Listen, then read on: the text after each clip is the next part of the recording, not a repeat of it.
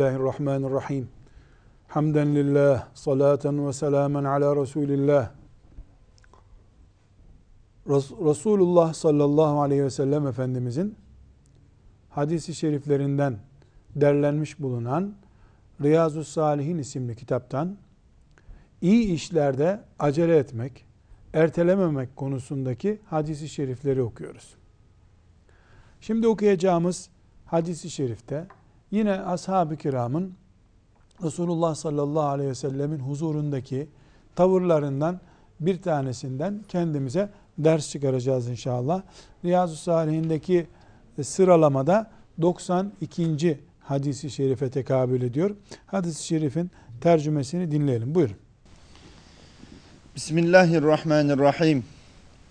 Enes radıyallahu anh'den rivayet edildiğine göre Resulullah sallallahu aleyhi ve sellem Uhud savaşında eline bir kılıç alıp bunu benden kim almak ister diye sordu.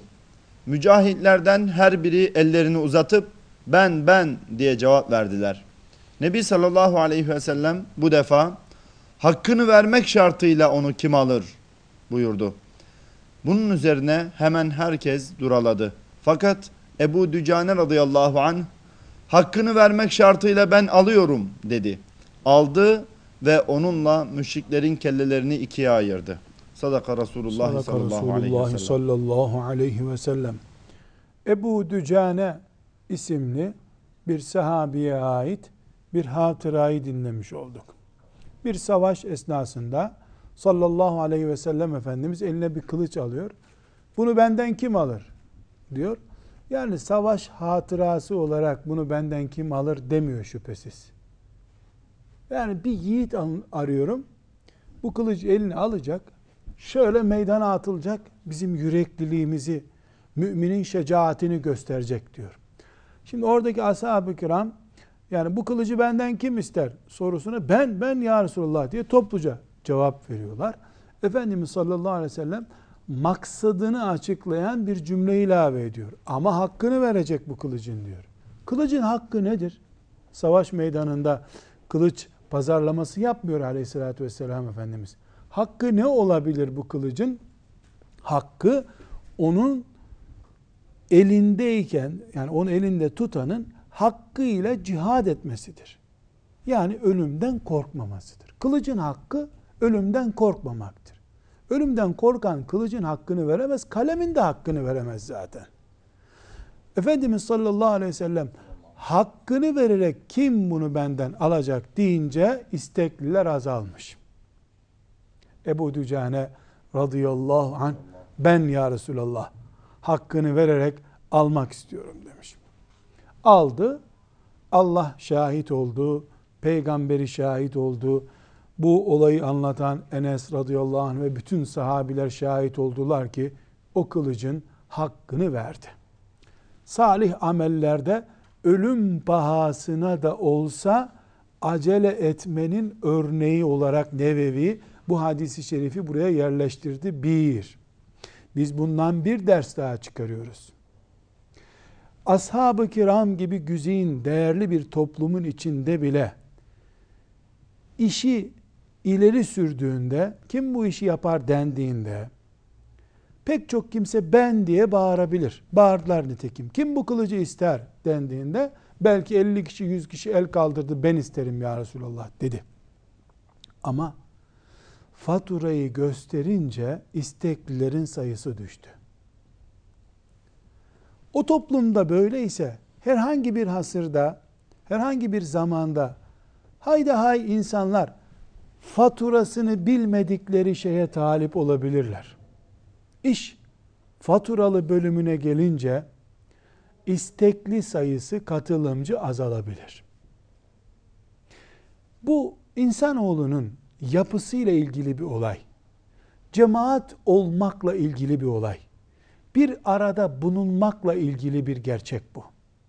Bunun için birkaç Müslüman bir araya gelip şöyle bir faaliyet yapalım dendiğinde Mesela bir hoca efendi ya Allah için şu göreve arkadaşlar kim taliptir dediğinde 30 aranıyorsa 50 kişi bulabilir. 70 kişi bulabilir. Ama iş menfaatlere, cebe gece uykusuna dokununca bu rakam düşebilir. Hoca efendinin buna hazır olması lazım. Liderin böyle bir çıkışa, böyle bir eriyişe hazır olması lazım. Yahu buna biz 50 kişi başladık 20 kişiye niye düştü diye heyecanlanmanın gereği yok. İnsan bu, et bu, kemik bu, kan bu, göz kulak bu. Böyleyiz. Efendimiz sallallahu aleyhi ve sellem bu kılıcın hakkını kim verecek? Kim ister diye sorduğunda ben ben sesi yükseldi. Hakkını kim verecek dediğinde anladılar ne demek istediğini. Hatıra bir kılıç vermek istemiyordu. Savaş hatırası bir tanenize vereyim demedi. Ya hakkını kim verecek bunun? Yani şöyle bir mücahit görmek istiyorum ya. Hepsi orada mücahittiler aslında. Ama peygamberin elinden kılıç aldın mı mola veremezsin bir daha sen. Ya kılıç parçalanacak ya sen parçalanacaksın. Bu kılıç peygamberin kılıcı aleyhissalatü vesselam ve sen onu ondan hakkını vermek şartıyla almışsın. Hatıra bir şey olsa peygamberin elinde dururdu o zaten. İş ciddiye binince anladılar ne demek istediğini. Aleyhissalatü vesselam Efendimizin anlayınca da sesler azaldı. Ebu Dücane çıktı. Ben ya Resulallah dedi. Sallallahu aleyhi ve sellem. Ashab-ı kiramın değerinin düştüğünü göstermez bu olay. İnsan olduklarını gösterir. İnsandılar. Ee, burada herhangi bir suç da yok zaten. Neden? Çünkü aleyhissalatü vesselam Efendimiz sen sen sen bu kılıcın hakkını vereceksiniz deseydi ben veremem ya Resulallah deseydi bir tanesi cevap olarak bu bir afetti. Ölüm de onlar için çok kötüydü. İhtiyari bir soru sordu. Var mı hakkını vermek isteyen? Bir kişi kalktı ben ya Resulallah dedi. Bir sakınca olmadı. Çünkü direkt bir emrine muhalefet söz konusu değil. Allah onlardan razı olsun. Şimdi 93. E, hadisi şerifimize geldik. Bu hadisi şerifte bir miktar da e, tarihi olaylardan bir kısmına değineceğimiz bir e, açıklama var. Hadis-i şerifin tercümesini dinleyelim. Ondan sonra ayrıntısına gireriz inşallah. Buyurun. Bismillahirrahmanirrahim. Zübeyir İbni Adi şöyle dedi. Enes İbni Malik radıyallahu anh'e gittik ve Haccac'ın zulmünden şikayet ettik. Enes şöyle dedi. Rabbinize kavuşana kadar sabredin. Zira her gelen gün geçmiş günden daha kötü olacaktır. Ben bunu Peygamberimiz sallallahu aleyhi ve sellem'den duydum. Sallallahu aleyhi ve sellem. Burada bir miktar tarih tazelemesi yapmamız gerekiyor. Resulullah sallallahu aleyhi ve sellem Efendimiz'den sonraki İslam tarihi Raşid halifeler dönemiyle başlar. Bu yaklaşık 30 sene sürer. Bundan sonra bir asır kadar bir zaman Emeviler diye bir dönem başlar. Ondan sonra da iki buçuk asır kadar Abbasiler diye bir dönem devam eder. Ondan sonra bildiğimiz diğer e, uzantılar ve en son e, Osmanlı hilafet devleti ile beraber de e, dönem olarak sonuncu döneme gelinmiş olur. Yeni dönemin adını da bakalım gelecek nesil kuşaklar nasıl belirleyecekler. Raşid halifeler dönemi Resulullah sallallahu aleyhi ve sellemin sünneti ile yaşanan bir dönem kabul edilir. Ondan sonraki dönemde maalesef ümmeti Muhammed'i hala üzmeye devam eden ve yarala, yara olarak kanayan bir sıkıntılar dönemi başlar. Emevilik ya da Emeviler dönemi e, devlet gücünün Müslümanlar üzerinde şiddetle kullanıldığı bir dönem olmuştur. Tarihi gerekçeleri, nedenleri, ayrıntılarına girmemiz gerekmiyor. Ama Emevilik dönemi hikmet ilahi fütuhat açısından Avrupa'nın içine kadar, Fransa'ya kadar, Fransa sınırlarına kadar İslam'ın ulaştığı bir dönem de olmuştur. Afrika'nın içlerine İslam ulaştırılmıştır. Yani Eme, Emevilik döneminde İslam'ın ulaştığı coğrafyaya bir daha e, İslam o çapta ulaşamamıştır. Böyle büyük bir fütuhat dönemi de var ama iç uygulamalarda Müslümanlar, vatandaşlar e, kırbaçla, kılıçla çok yüzleşmişlerdir. Bu dönemde Emevilerden biri olmadığı halde Emevilerin kolluk görevini yapan Haccac İbni Yusuf Es-Sakafi isimli birisi çok meşhurdur. Haccac bizim Türkçe kültürümüzde lakabıyla meşhurdur. Haccacı zalim denir. Haccacı zalim kendisine çok zulüm isnat edildiği için böyle lakaplanmış birisidir. Zavallının diyeceğim adı Haccac İbni Yusuf'tur. Fakat bazı tarih araştırmaları bu son 30-40 yıl içerisinde e, gösteriyor ki aslında Haccac İbni Yusuf çok da böyle e, kırbacın elinde durduğu bir adam değil. Halifelerin yani Emevi halifelerinin, sultanlarının adını kullandıkları birisi. Öyle veya böyle tarih onu zulmün payandası olarak yazdı. Herkesin Rabbinin huzurunda hesap vereceği güne gidileceğine göre hakikat o gün orada çıkacak. Haccac İbni Yusuf Es-Sakafi çok fazla e, kılıç kullandı, çok fazla kırbaç kullandı.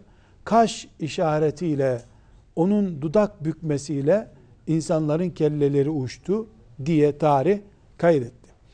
Enes İbni Malik radıyallahu an ashab-ı kiramın en gençlerinden Resulullah sallallahu aleyhi ve sellem Efendimizin e, evinde 10 yıla yakın bir zaman evlat gibi muamele görmüş sahabeden birisi. Onun günlerinde, Haccac'ın günlerinde hala yaşıyoruz. Çünkü Haccac 100 e, yılına kadar veya 98 97 Hicri 97-98'e kadar yaşadığı için Enes İbni Malik'in de e, sağ olduğu günlerde bu zulmü yaptı. Ama Haccac uzun yıllar 20 yıla yakın bir zaman e, Irak bölge valisi olarak e, isminden söz ettirdiği için ashab-ı kiramdan da bazılarını gördü. Tabiinden bazılarını gördü. Tabiinden bazılarına ağır işkenceler, zulümler yaptı. Yani Haccac'ın tarihine girmeye gerek yok. Halk onu zaten zulümle eşdeğer bir insan haline getirmiş durumda. Enes İbni Malik'e radıyallahu anh Haccac'tan şikayet edilmiş. Yani Haccac çok zulmediyor. İstediğini kesiyor, istediğini kırbaçlıyor, istediğini sürgüne gönderiyor. Ee, sarayda istediği kadar at koşturuyor gibi e, şikayetlerde bulunulmuş. Enes İbni Malik radıyallahu anh'ın valinin, yöneticinin zulmünden şikayet edenlere verdiği cevap çok önemli. Ne diyor? Rabbinize kavuşuncaya kadar sabredin. Zira her gelen gün geçmiş günden daha kötü olacaktır. Ben bunu peygamberinizden duydum. Sallallahu aleyhi ve sellem. Şimdi e, burada Enes İbni Malik'in cümlesinden şu anlaşılıyor. Bugün siz haccaçtan şikayet ediyorsunuz. Yarın daha fena olacak. Peki Nebevi bu hadisi bu bölüme neden koydu? Çünkü ona bir grup Müslüman geldi, dert sundular. Biz bu dertten şikayetçiyiz dediler. O da onlara bugünün de kıymetini bilin, yarın daha beteri gelebilir dedi. Nitekim Hz. Enes'in bu sözü İmam Bukhari'nin sahihinde olmasa bile tarihi şöyle kronolojik olarak birer satırlık cümlelerle yazacak olsak Enes bin Malik'in dediğinin her gelen günün geçen günü arattığının tarihte gerçekleştiğini anlamış oluruz. Her halükarda bugün durumlar çok kötü. Yarın iyi olacak diye umutlanma. Bugünü değerlendir. Çok kötü, daha kötüsü olabilir. Biraz kötü, biraz kötüyse iş yapacak fırsatın var zaten demektir. Allahu Teala ümmeti Muhammed'i bazen Ebu Cehil'le, bazen Haccac'la, bazen zenginlikle, bazen Moğollarla, bazen e, başkalarıyla, bazen dış düşmanlarla bir türlü muhakkak imtihan ediyor. Herkes e, kendi zamanını çok kötü, önceyi iyi kabul ederse yanılır. Bulunduğun zaman önceki zamandan daha kötüydü, sonraki zamana göre daha iyidir. Bu mantıkla her fırsatı, her salih amel fırsatını değerlendirmek lazım. Ve sallallahu ve sellem ala seyyidina Muhammed وعلى آله وصحبه أجمعين والحمد لله رب العالمين.